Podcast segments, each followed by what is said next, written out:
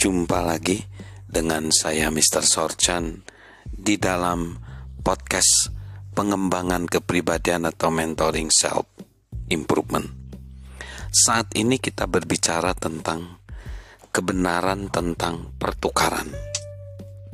Kita masuk di poin yaitu kerugian akibat pertukaran biasanya dialami lama sebelum memperoleh keuntungan.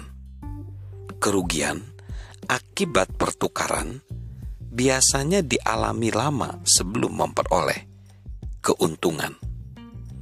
Belum lama ini, John C. Maxwell sedang berada di rumah putranya Joel, dan dia melihat cucunya bernama James yang baru berusia tiga tahun duduk di ruang cuci pakaian dengan wajah cemberut.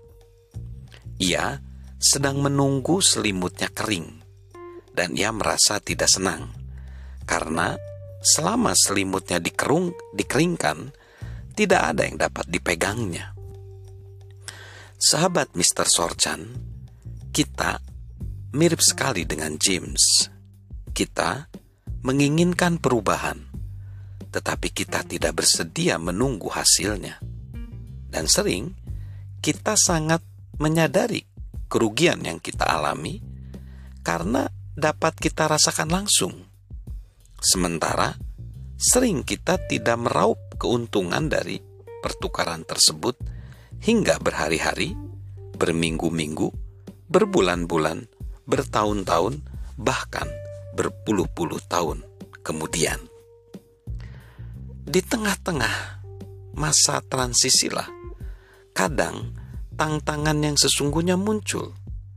Kita menginginkan hasilnya, namun kita harus menghadapi berakhirnya sesuatu yang kita sukai dan menghadapi ketidakpastian antara akhir tersebut dengan awal dari harapan yang baru. Perubahan terasa seperti suatu kehilangan. Sebagian orang menangani ketidakpastian dengan cukup baik, sebagian lain tidak. Sebagian orang segera pulih dari tekanan kejiwaan akibat perubahan, sebagian lain tidak. Seberapa baik kita mengatasinya, sebagian bergantung pada kepribadian kita, dan sebagian lain bergantung pada sikap kita.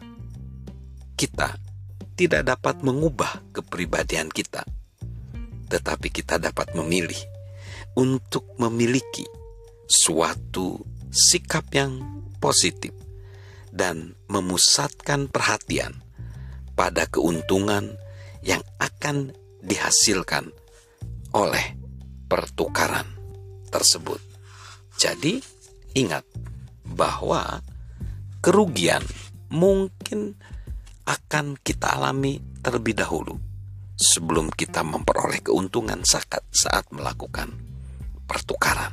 Salam untuk melakukan pertukaran agar kita bertumbuh senantiasa dan menggali potensi diri kita sehingga kita menjadi pribadi yang bahagia dan sehat selalu dari saya, Mr. Sorjan.